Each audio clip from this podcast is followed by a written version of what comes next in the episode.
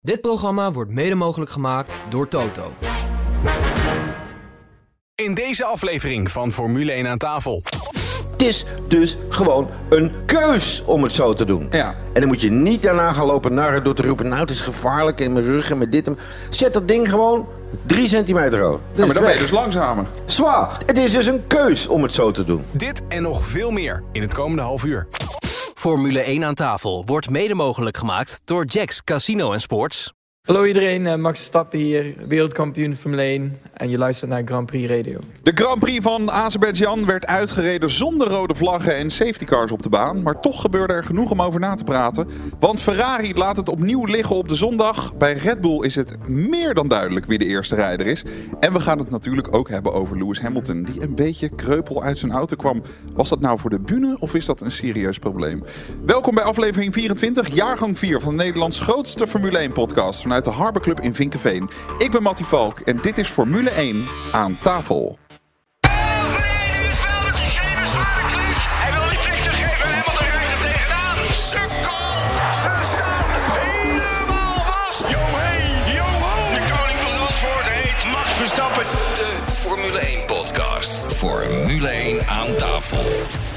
We gaan napraten en vooruitblikken met onze gasten aan tafel. Te beginnen met Formule 1 programmaregisseur Rolf Meter. Rolf, van harte welkom. Goedemorgen, middag, avond. Ja, dat is maar afhankelijk van wanneer je dit luistert natuurlijk. Juist, waar dan ook. Het kan zelfs midden in de nacht zijn. Ja. Vrolijk Pasen. Eh, kan er eigenlijk nog wat eh, beter aan die eh, tv-regie? Als je kijkt naar eh, de beelden van eh Baku. Wat mij betreft heel veel. Oh ja? Ja. Oh, gaan we het later deze, deze podcast nog over hebben. Dan bij ons Olaf Mol, Formule 1 commentator van Grand Prix Radio. Olaf, hoe lang zit Latifi nog achter het stuur van, van de Williams? Ik schat nog een dag of acht ligt eraan wanneer je luistert natuurlijk. Hij kan er ook al uit zijn. nee, Canada gaat hij nog wel doen. Oké. Dan bij ons natuurlijk onze vaste waarde, Nederlands meest besproken autosportteambaas Frans Verschuur.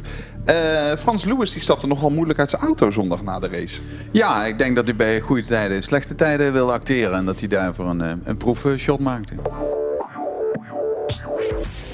We gaan terug naar de zondagmiddag. Baku, 20 auto's die stonden klaar op de grid. Tenminste, ze stonden bijna allemaal klaar. Latifi die stond niet helemaal op de juiste plek.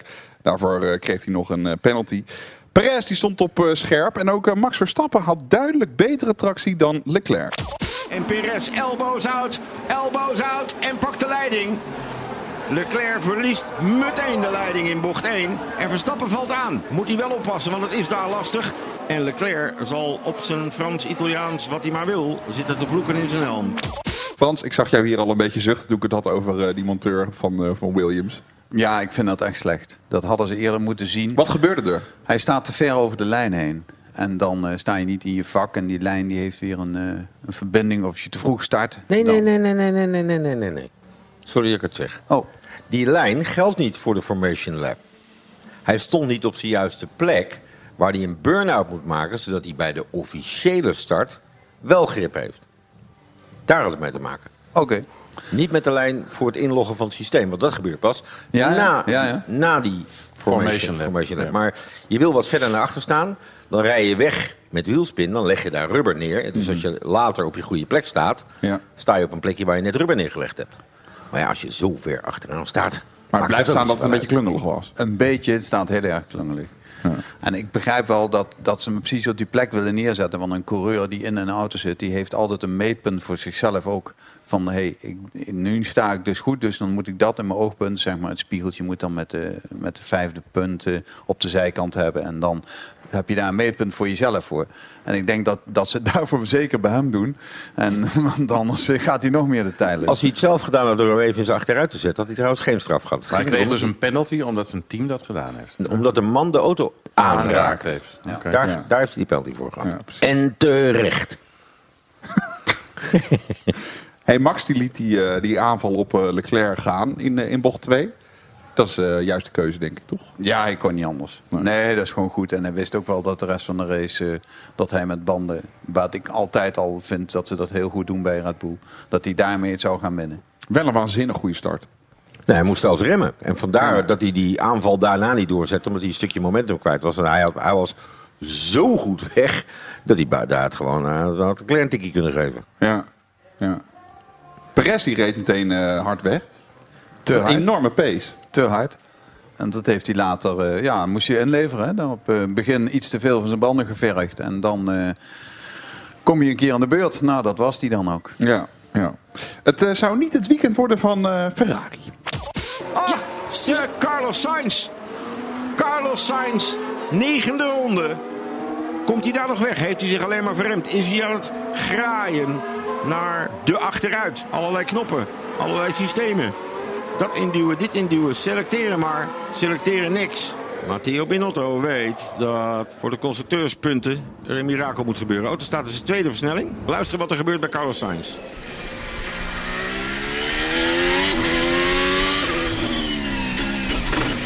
Oeps. Wow.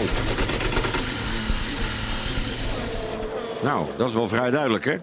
Bij het terugschakelen, dit is gewoon een bak die vastslaat. Als autoliefhebber doet het bijna pijn. hè, dat geluid. Je voelt hem bijna. Ook, ook echt. Ik, ik vind dat zo lastig om te luisteren. Je hebt natuurlijk wel eens meegemaakt in het verleden. Frans denk ik ook wel. Ik weet niet hoe het met Rolf zit met de straatauto's. Als u dit wel eens gehoord hebt. Zeker. Ja, dat is niet tof. Twee keer. dat is echt niet tof. Ja. Pijn, geld, geld, geld. Leven die motoren van Ferrari boven hun stand? Of wat, eh, wat is er aan de hand? Ja, dit is een bakprobleem, maar bij eh, onze vriend Leclerc niet. Ik denk dat ze hem iets te hoog opgeschroefd hebben, omdat bij meerdere motoren een probleem is. Ja. En niet alleen bij Leclerc, maar bij anderen ook. Maar ik vind dit voor Sainz ook eh, best wel eh, vervelend hoor. Even jongen voor de- heeft natuurlijk al zijn geen Even voor de brede luisteraar. Opschroeven kan gebeuren tot en met de derde vrije Ja. training. En Ja, daarna ja. moet je hem laten staan. Dus je, je kunt inderdaad, wat Frans zegt, kiezen om een weekend te zeggen... nou, deze motor, ik heb genoeg mileage. Die geef ik een beetje meer vermogen. Want dat redden we wel. Vandaar dat hij dat zei, sorry. Maar je mag, wel, je mag toch wel eh, in de qualifying stand 6 rijden, denk ik. Als je in de vrije training bedoel ik, eh, vrije training 3 en 6 gereden hebt, Ja. moet je de hele. Maar je mag hem wel terugschroeven. Alleen maar terug als je een probleem hebt. En dan mag je niet meer omhoog. Nee, dus niet nee, dat je zegt, we schroeven hem een standje 5. We lossen het probleem Ja. op. Dan mag je niet meer naar 6. Maar Nee, er, nee. Moet, er moet een, een aantoonbaar probleem zijn voordat je hem Om hem terug te schroeven, ja. Ja, aantoonbaar probleem. Want anders begin je natuurlijk met een hoge motorstand. En roep je een rondje heen. Nou, we hebben al een probleem. We hebben even teruggeschroefd. Maar er zitten heel veel moet- mensen achter de schermen die schroeven dat ding dan eigenlijk te hoog op. Daar komt het op Nee, het is een keus die je maakt voor de derde vrije training. Dan zit je onder Park Vermee regels. En dan bepaalt eh, het team op welke motorstand je die wedstrijd nog kan rijden. Ze hebben gewoon mileage op die motoren zitten. Dat is 7, dat is, eh, 7 keer 300, dat is 2500 kilometer, denk ik, even flauw gesproken. Dus als je nog... eh, als je weet dat je volgende week een motor wil wisselen en er staat nog 500 mileage op die motor, ja, dan kun je zeggen, nou, dan kunnen we. Ik ga ervan uit, weet, weten we nog, Brazilië vorig jaar, de raketmotor van Lewis Hamilton. Ja. Nooit meer gezien, nooit meer gehoord. Die hebben gewoon in één weekend. Alles verbrand. die motor Ja. opengezet. En dat ding dus vernacheld. En daarna hebben ze een motorwissel gedaan. En die kwam nog uit de pool. En dus hebben ze, die hebben gewoon in, één, in dat weekend hebben ze in één keer die hele motor opgerookt. Ja, Sainz lag eruit en toen werd het drama nog groter. Oh, daar gaat de volgende. Daar gaat de volgende. En is dat Leclerc? Dat is Leclerc. Ferrari. Dramatisch weekend. Sainz eruit. Motorplof bij Charles Leclerc. In de twintigste ronde van de wedstrijd. En een cadeautje voor Red Bull Racing. Problem, problem, engine. We to you. Nou, vandaag zijn ze niet vergeten om te finishen op de zondag. Maar kunnen ze het gewoon niet. Heel even kijken naar het kampioenschap. Charles Leclerc met 116 punten op de derde plaats. Perez met 129 op 2. En op 1 Max met 150 punten. Gisteren was ook een beetje de sfeer in het eh, racecafé in de nabeschouwing. Zo van, nou ja, eh, Max eh, wordt met twee vingers in zijn neus wereldkampioen dit jaar. Ben je het daarmee eens, Frans? Niet twee vingers, maar hij wordt wel wereldkampioen. Ik, ik vind altijd dat Red Bull gedurende het seizoen sterker wordt. En eh, ik, ja, Ferrari gaat steeds meer paniekvoetbal spelen. Dus Maar ja. even in het begin van het seizoen was het natuurlijk precies andersom. Nee, dat klopt, dat klopt. Maar toen, toen geloofde ik ook niet dat Red Bull al verslagen was. Omdat Red Bull een andere strategie heeft, andere mensen heeft. En, en Ferrari speelt alles of niet. En ja, dat hebben ze Maar dit waar, weekend wel wanneer komt zo'n omslag dan? Het begin van het seizoen was fantastisch. En dan in één keer gaat het allemaal mis. Jawel, maar alles en iedereen gaat sneller, gaat meer doorontwikkelen. En dan, dan komt Red Bull, die heeft goede ontwikkelingen. En Ferrari, die moet toch om Red Bull bij te houden tot het maximale gaan. Nou, dat is net over de streep. En dat, dat hebben de Italianen eigenlijk eh, een hele tijd al gedaan, na Schumacher. Ze zouden geluk hebben als dit een, eh, zeg maar, een constructief, nee, constru ja, als dit een blijvend probleem is in de motor. Want als het om veiligheid en om betrouwbaarheid gaat, mag je dingen aanpassen in je motor. Normaal gesproken niet. Maar als het aantoonbaar is dat het veiligheid niet goed is, ja. en dat er iets, iets ja, structureel, dat is het woord dat ik zocht. structureel fout zit in die motor, dan mag je doen. En ze worden natuurlijk, uh, uh, het einde van dit seizoen worden de motoren echt bevroren. Dus ja, daar kunnen ze nog wel wat mee doen. Maar ja, dat je dus voor Canada niet voor elkaar. Nee. Ze hadden natuurlijk allemaal een nieuwe motor gestoken voor Baku. Want je weet, er komen twee van die snelle races aan. Vandaar dat ze misschien deze eerste wedstrijd gedacht hebben... nou, we zetten hem wat hoger. En we doen geen zeven wedstrijden met deze motor, maar maar zes. Dat is gewoon een rekensom die zij kunnen maken. Wij niet, maar dat zou allemaal kunnen. Maar ja, tof is het natuurlijk niet, hè? De kans dat er een gidsstraf aankomt is natuurlijk ook nog reëel. Nee, Ja, niet, niet in Canada. Nee, nog niet Zitten in ze wel Canada, in de maar pool. later Ja, maar dat- in het seizoen. Die hangt, die hangt bij iedereen boven het hoofd. Ik bedoel, eh, je moet, je moet, ze gaan uit van zeven, zeven wedstrijden per motor. Drie keer zeven is 21. En ja, we gaan naar 22 Grand Prix. Dus er zal wel ergens iemand een mazzeltje moeten hebben... of die motor uit het begin van de pool nog even in de laatste wedstrijd neergooit. Dat toch wel niet meer uitmaakt. En wat ze dan ook doen, kijken ze nog welke circuits ze die straf pakken. Want er zijn sommige circuits waar je makkelijker kan inhalen. Dus die tien plekken pak je dan makkelijker terug dan circuits waar je, waar je niet kan inhalen. Ja. Dus jij denkt dat eh, de problemen bij Ferrari aanhouden? Die, Nou, ik denk, ze moeten nu, hè, want ze staan zo ver achter. Ze moeten dus echt alles doen om, om die achterstand in te halen. Ja, 80 en dan- punten achter in de constructeurs, Ja, hè? dat is- 80. Ja, maar als ik gewoon even kijk naar het kampioenschap onder de coureurs, denk ik ja, het is ook één uitvalbeurt van Max. En, en Leclerc staat wint er eentje. Dan staat hij er nog voor. Nee, oké, maar dan is de afstand in één keer heel veel kleiner. Het is toch niet zo dat hij hoog en droog Nee, zit? maar, maar als je het ziet hoe Red Bull het oppakt en hoe ze het, hoe ze het structureel brengen, vind ik dat ze dat alleen maar beter worden. En Max die was natuurlijk super getergeld. Die zijn zo ook bezig met het bandenmanagement. Als je ziet de eerste en de tweede vrije training. Hij maakt zich, vroeger maakte hij zich vreselijk druk als hij in die pole stond. Nu was het ja. Heb je dat verhaal gehoord Ja. dat, dat hij binnenkwam voor de eerste bandenwissel? Dat ze riepen tegen hem van, you manage your tires excellent. Dat ze eigenlijk bijna als nieuw waren ongeveer. Dat Ja. gevoel kreeg ik. Denk niet? Eh, dat, maar daar, daar is hij ook heel goed in. Ik denk als je het even in perspectief zet... dat Ferrari heeft de absoluut snelste auto... maar dan op dit moment even een betrouwbaarheidsprobleem... en een organisatieprobleem vanwege de foute pitstop calls. Mercedes heeft eh, niet de snelste auto... maar in ieder geval de betrouwbaarste auto... want die hebben tot op heden alle wedstrijden met z'n tweeën nog gewoon uitgereden. En, en. Red Bull is de middle of the road. Die zitten er goed genoeg bij. En hebben de beste zondagsauto. De beste raceauto. En die rust, die zie je nu komen. Dat is al de derde Grand Prix die Verstappen wint. Terwijl hij niet vanaf Pol vertrekt. Dat geeft natuurlijk ook vertrouwen. We pakken ze wel op zondag. Ja. En dat blijkt. Ik wil het toch nog even hebben over die DRS. Want Max kreeg op een gegeven moment een, eh een boordradio die zei no DRS. Wat, wat is er met die DRS? Nee, het is, zoals jij, als, als, hij, als hij zo geweest was, was er een probleem geweest. Nu zeiden ze eigenlijk, We eh, we, we hebben gekeken, we hebben geadviseerd, eh, laat die DRS maar zitten. Maar wat is er met die DRS? Ja, nou, dat, dat, dat hij af en toe nog een beetje wabbelt, dat hebben we weer kunnen zien. Dat hebben ze dan weer opgelost. En ik denk dat ik er zo in sta, als je vooraan rijdt eh, op een wedstrijd waar je nog nooit het podium gehaald hebt. Waar je vorig jaar vooraan reed en er ging in één keer een klapband aan. eh, waar je grootste concurrent is uitgevallen.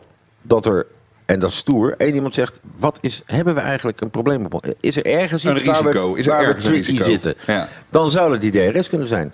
A, kun je in de wedstrijd niet bepalen wanneer je hem zelf open en dicht zet. En B, hebben ze de pace gekregen van, nou, als we hem niet gebruiken, kan hij ook niet stuk gaan. Nee. Dus ik denk niet eens dat er een probleem was. Maar ik Of door de midden. Ja, of door de midden, zoals bij Yuki. Dat zag er toch ook klungelig uit, eh, Frans? Dat, eh, dat, stukje gaffatape bij, eh, bij Yuki. Ja. Ja. Vijf En man dan die vier elkaar man. vast stonden te plakken. Ja, dan vier, Ja. vijf man. En eentje zegt ja, ik kan rijden. En de andere is nog een plakken. En, eh, en de een, oh, dat is werkelijk waar. Redelijk ongecoördineerd, ja. Vroeger had je Comedy Capers, had je zo'n zo'n televisieprogramma. Nou, dat leek dit echt. Ja. Ehm, verder was er een, eh, een vriendelijk verzoek om eh, ri- richting Verstappen no fighting met, eh met Perez. Of eigenlijk was het verzoek richting, richting Perez. Nou, dat is wel duidelijk toch, wat daar eh, gebeurde ook gewoon. Nou ja, dat heeft Frans, dat heeft Frans ne- eigenlijk net al gezegd. Perez heeft dat over zichzelf afgeroepen. Ik vond het niet eens echt een, een, een hele belangrijke call. Want no fighting is niet van give the position up. Voor, joh, laat het maar gebeuren wat er gebeurt. Want Perez had in het begin te hard gereden. En Perez had de pace niet meer. Ja. En dan, dan is het beslist. Dus hij heeft het in wezen zichzelf aangedaan. Ja. Ja, en, maar dat had Perez zelf ook door. Want die verdedigde nul enzovoort. Dus ja, ik vind het dan wel een beetje degenererend om te zeggen van... hé joh, niet vechten. Ja, dat ziet toch iedereen. Ja. En zeker die jongens die in die auto zitten weten gewoon, het gaat gewoon niet nu. Dus laat hem maar voorbij en dan word ik tweede. Ja, wat ze misschien wel bedoelde is, als je later de inhaalmanoeuvre van Hamilton op Gasly zag... Daar wist Hamilton ook van, ik kan hem niet achter me houden. Maar hij heeft hem wel twee bochten nog gelopen narren. Ja. Om het wel voor elkaar te krijgen. Ik denk dat ze dat bedoelen met no fighting. Van, joh, als hij er is, ga niet, de, rust. ga niet de deur dichtgooien. Wat we hebben in het verleden met Daniel Ricciardo. Wel eens eerder zoiets aan onze feiten gehad hier. Was afgelopen week nog een beetje een media-hype over wie de nummer 1 coureur zou zijn voor Red Bull. Nou, dat is Geen eh, aandacht aan besteden. Nee. Nee. Nee. Dit, dit vind ik de media-hype omdat ze misschien niks anders hadden. Maar iedereen weet toch dat hij eerste rijder is. ja. Was duidelijk toen hij uitstapte ook, hè? Twee vingers omhoog, nummer één. ja, was dat, eh, was dat met opzet, denk je? Ik weet het niet, maar Ja. het was wel mooi om te zien. Ja, het was zonder meer mooi om te zien. Ja. Zometeen in eh, Formule 1 aan tafel een vraag van Bob uit Beeldhoven over eh, de versnellingen in een Formule 1 auto. Die vraag is binnengekomen via F1 aan tafel grandprixradio.nl. Mocht je ook vragen hebben. En we gaan natuurlijk eh, voorbeschouwen op de grote prijs van Canada. Plus je maakt kans op een volle tank brandstof voor je auto en een Flitsmeister 2 voor onderweg. Tot zo. Stap overal in de wereld van checks.nl. Check out, check in. Ontdek alle casinospellen en sportweddenschappen op checks.nl. Jacks Casino en Sports. You're welcome. Wat kost gokken jou? Stop op tijd 18+. Plus. Olaf Mol en Jack Ploy staan deze zomer opnieuw samen in het theater... met de Formule 1-show deel 2 om hun passie te delen. Een exclusieve kijk achter de schermen met interessante feiten, anekdotes... geheimen van coureurs, waar de kenner, maar ook de leek zijn hart bij kan ophalen. De Formule 1-show deel 2 komt in juni naar Drachten en Bergen op Zoom. En in juli naar Heerlen. Denk, Tink, Max Korting. Profiteer en race nu naar dink.nl.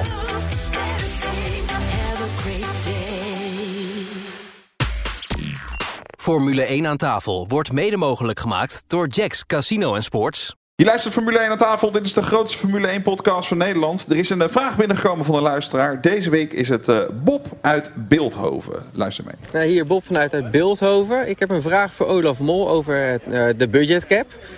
Is het niet mogelijk dat eh, bij de budgetcap de schade eh, wordt, buiten de budgetcap wordt betaald... op het moment dat de schuld van de coureur niet bij hem ligt? Zoals eh, een Hamilton Verstappen in Silverstone buiten de baan tikt... Dat de schade die bij Red Bull geleden wordt, eh, buiten de budgetcap betaald wordt, omdat Lewis Hamilton schuldig bevonden wordt. En hoe dat dan in werk gaat. Ja, ik wilde zeggen Rolf, take it away. Maar goed, dat was een hele duidelijke vraag aan mijzelf. Ik vind de Ehm, gedachtegang niet eens zo gek. Ja, dat is totale onzin. Wel. Nou ja, eh, de- het, het korte antwoord is nee. Is het niet mogelijk om? Nee. Waarom niet? Staat niet in de reglementen. En wat denk je wat je dan tussen Formule 1 teams krijgt? Moet je eens kijken wat er op straat gebeurt als je een aanrijding hebt met, eh, maakt niet uit wie.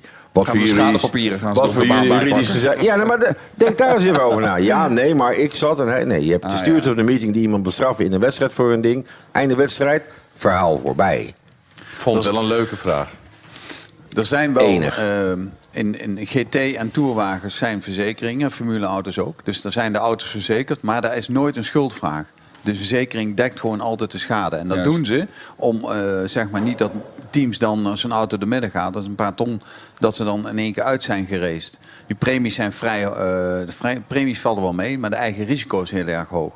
En wat je dan doet, is dat, eh, dat je met de rijder zeg maar, afspreekt... jij betaalt het eigen risico. En dan eh, kijken ze ook wel een beetje uit met wat, tegen wie ze aanrijden. Ja. Dus bij, bij formuleauto's en toerwagens zijn ze wel verzekerd... en dat is nooit een schuldvraag. Nee.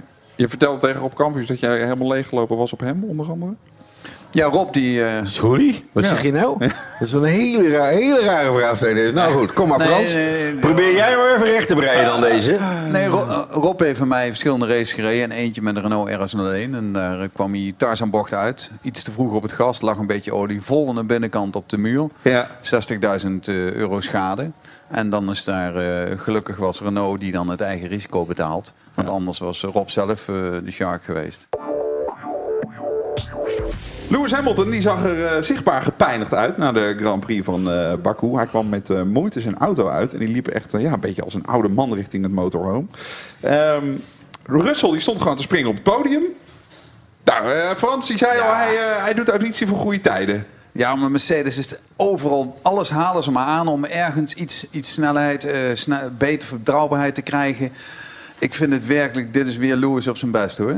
Oh. Ja. Goede tijden, slechte tijden, kan die manetten meedoen. Zijn allemaal slechte acteurs, nou daar past hij wel tussen. Ja, Rolf, jij, jij vond dat ze te weinig beeld lieten zien van Leclerc die teleurgesteld was. Maar er was genoeg beeld van Lewis, eh regiematig Nou, zeg ik maar. vind Want sowieso je ziet hem uitstappen, je ziet hem kijken naar die camera en dan gaat hij Hij hand... voelt over shoulder dat er iets aan de hand is en dan stapt hij heel langzaam uit.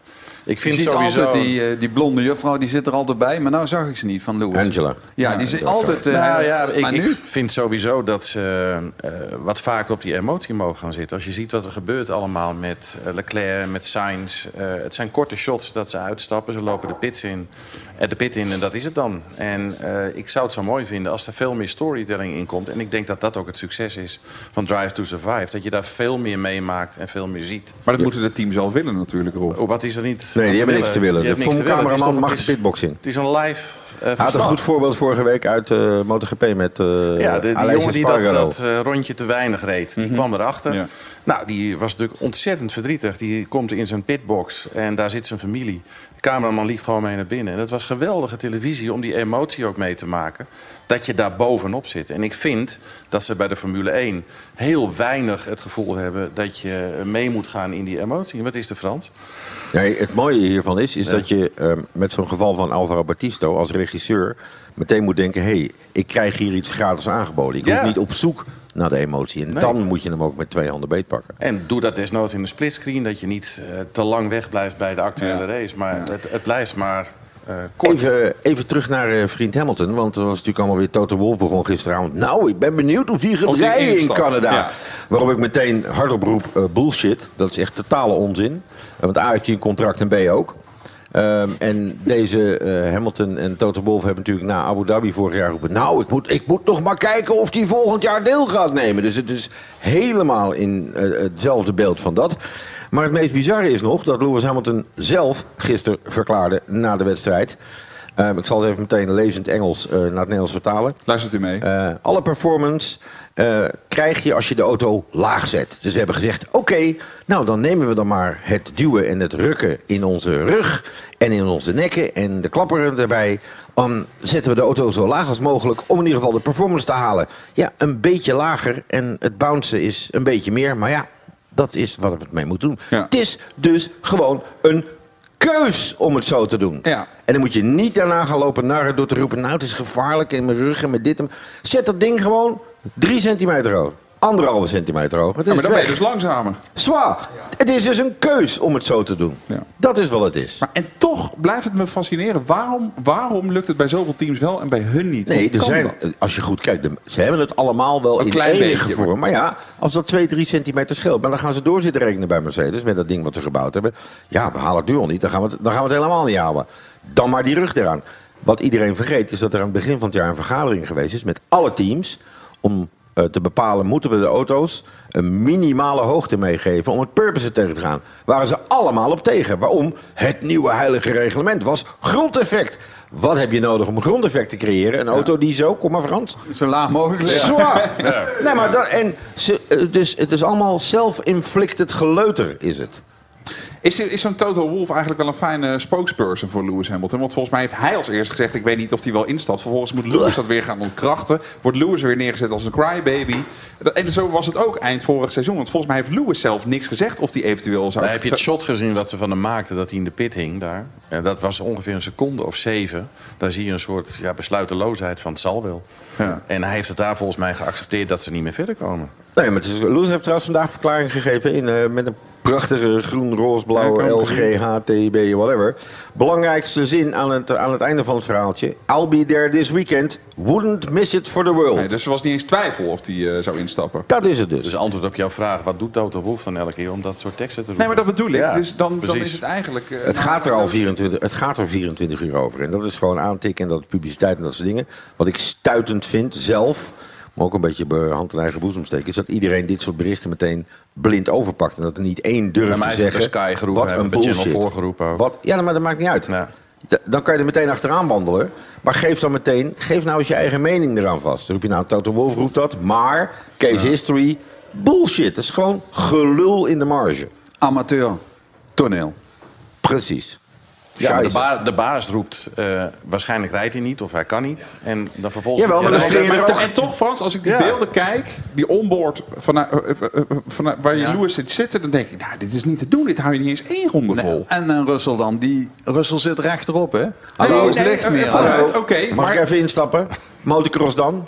Ja. Of, of je daar zo lekker, Ja. nee, of je daar zo lekker rustig zit dan. Ja. Weet je? Nee, maar dat nee, is maar het is meer, ik, als ik er naar kijk, denk ik, word ik al bijna misselijk. bobsleeën, of je daar zo lekker rustig zit dan. Weet je, is maar goed, het. dat duurt geen twee uur. Nee, het is, ik, vind het, ik vind het echt to- totale onzin, dit soort dingen. Ja. Dan moet hij stoppen. En, dan gaat, en, en dan heb je meteen allemaal van die sneuwe, van die sneuwe gasten die roepen... komt die Frans, kop er maar in. Oh, nou, als Lewis niet kan rijden... dan zal Nick de Vries... Flikker nou toch op, Nee, joh. Nick de Vries, dat, eh, die laten we heel even met rust voor. Oké. Raad het autogeluid. We geven je in F1 aan tafel de kans om een volle tank eh, brandstof voor je auto te winnen. En het Flitsmeister 2 pakket, de waarde van 80 euro in Raad het Autogeluid. Mario de Pizzaman, die staat weer in het land van Maas en Waal. Ga jij wel eens naar de Formule 1? Nooit. Waarom niet? Veel te druk. Ik hou maar van één soort drukte en dat is in de showroom, Mario. Hoe hard gaat deze auto? Eh, hij is begrensd op 100 eh, of 200, 210. Heeft hij een lekker geluid? Eh, bescheiden, weer bescheiden. We gaan hem beluisteren.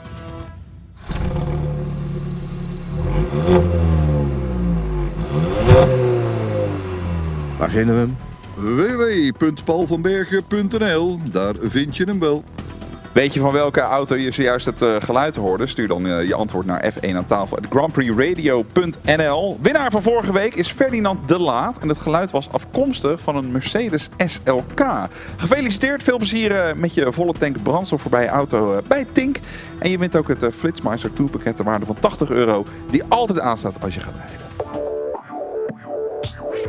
Oké, dus Latifi die doet alleen nog Canada en daarna is het eh slush. Nou, dat, dat is een stelling. Eh, ik heb geroepen, er zijn zware geruchten dat Nicola Latifi naar Canada zeer waarschijnlijk vervangen gaat worden door Oscar Piastri. En hij heeft al een stoeltje gepast bij het team van Williams. En ik zou het heel logisch vinden, punt. Wie is eh, Oscar Piastri? Even Ja. voor de mensen die... eh, Ja, daar is wel een beetje, ben ik wel een beetje fan van. De jongen heeft alles gewonnen waar hij in gereden is. En niet zoals anderen na drie, vier jaar. Nee, gewoon het eerste jaar Formule 3. Eerste jaar Formule Renault. Formule 3, Formule 2, En daar ben ik. Ja. Nou, dan vind ik dat zo'n jongen heeft bewezen... dat hij elke klasse waar hij rijdt heel goed is.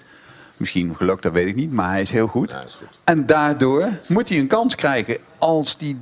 Oh, laat hem in godsnaam een keer rijden. Dat hij in ieder geval kan laten zien wat hij kan. En niet weg-app.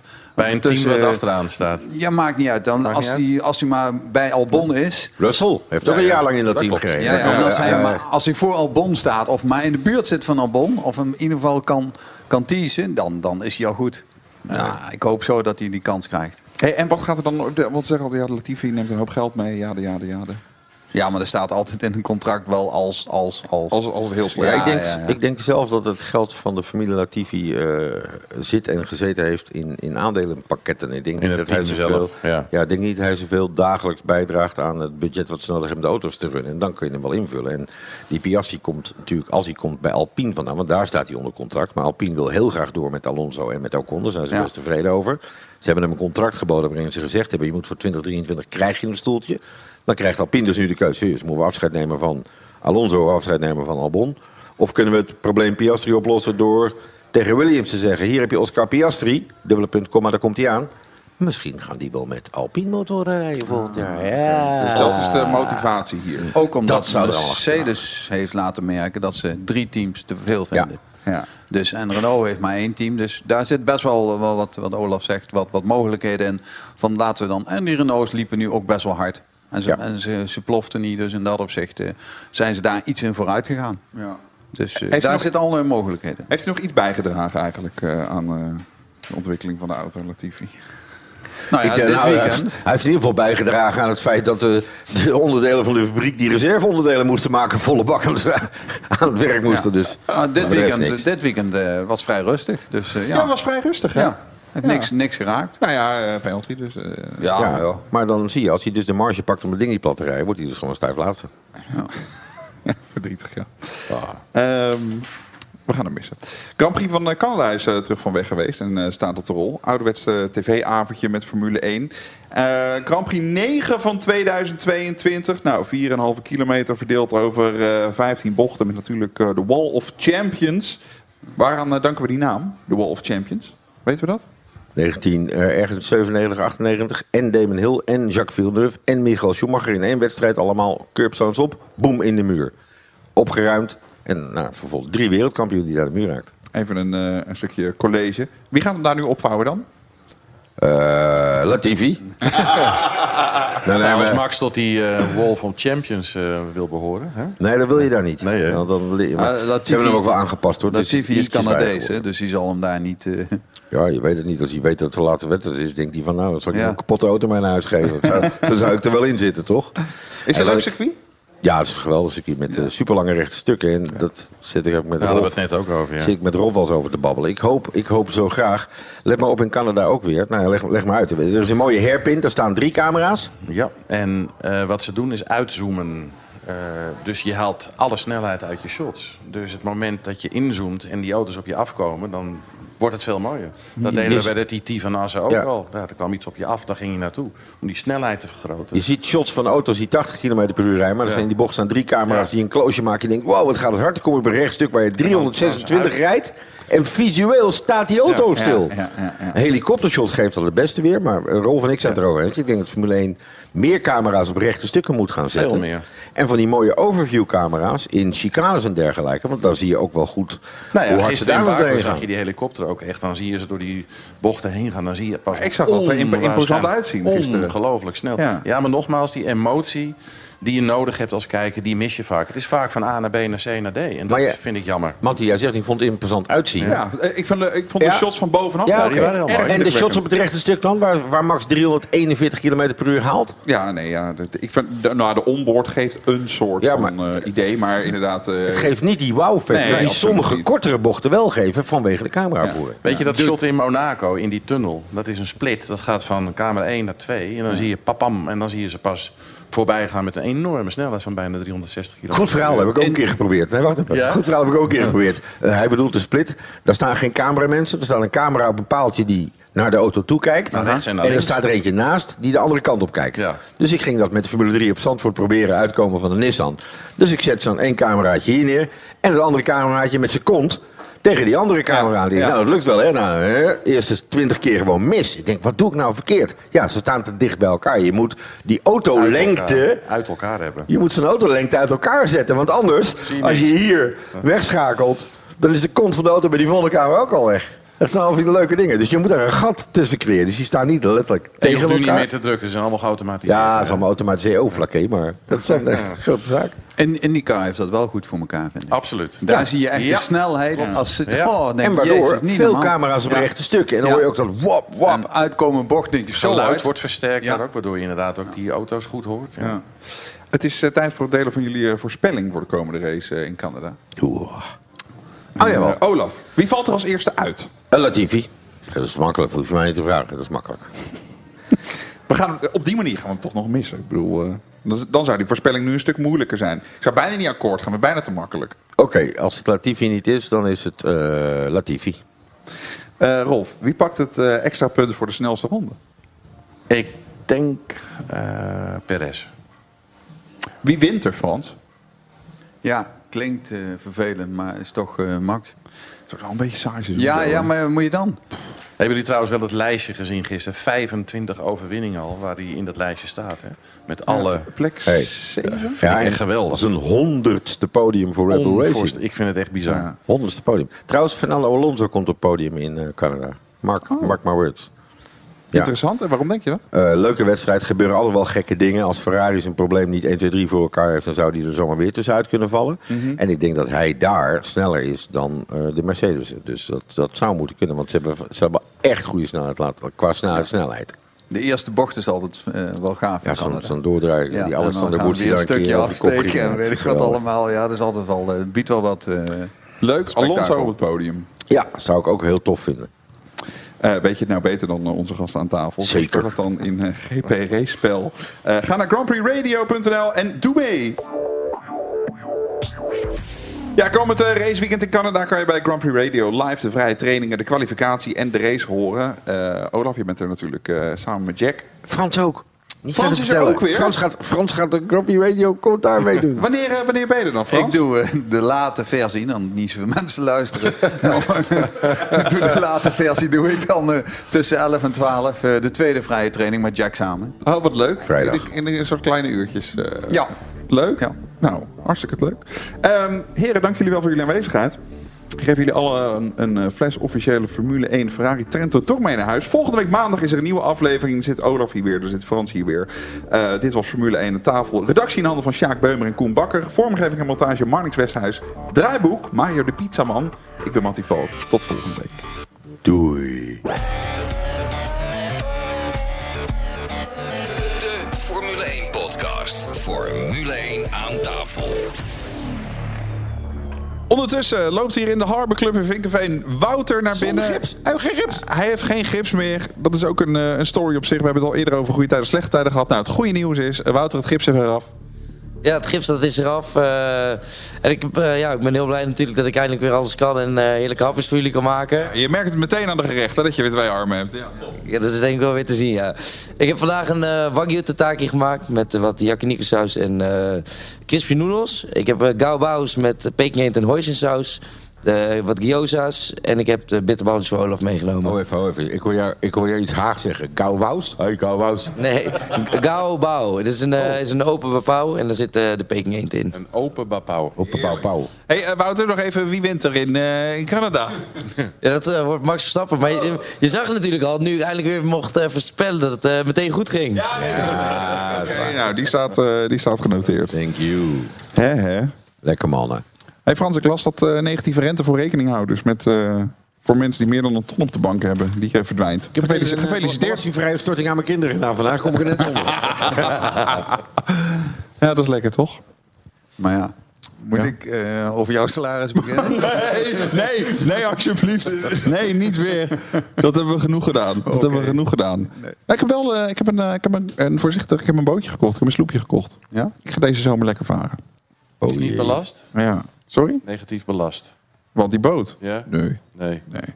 Heb je een vaarbewijs? Ja, zeker. Zo, A, B, C, D, zwem? Nee, vaarbewijs, vaarbewijs 1 heb ik. Zwemdiploma? Bij de weekamp gehaald? Of, eh? Bij een pak yoghurt gekregen? Nou, heren, tot volgende week. Hè?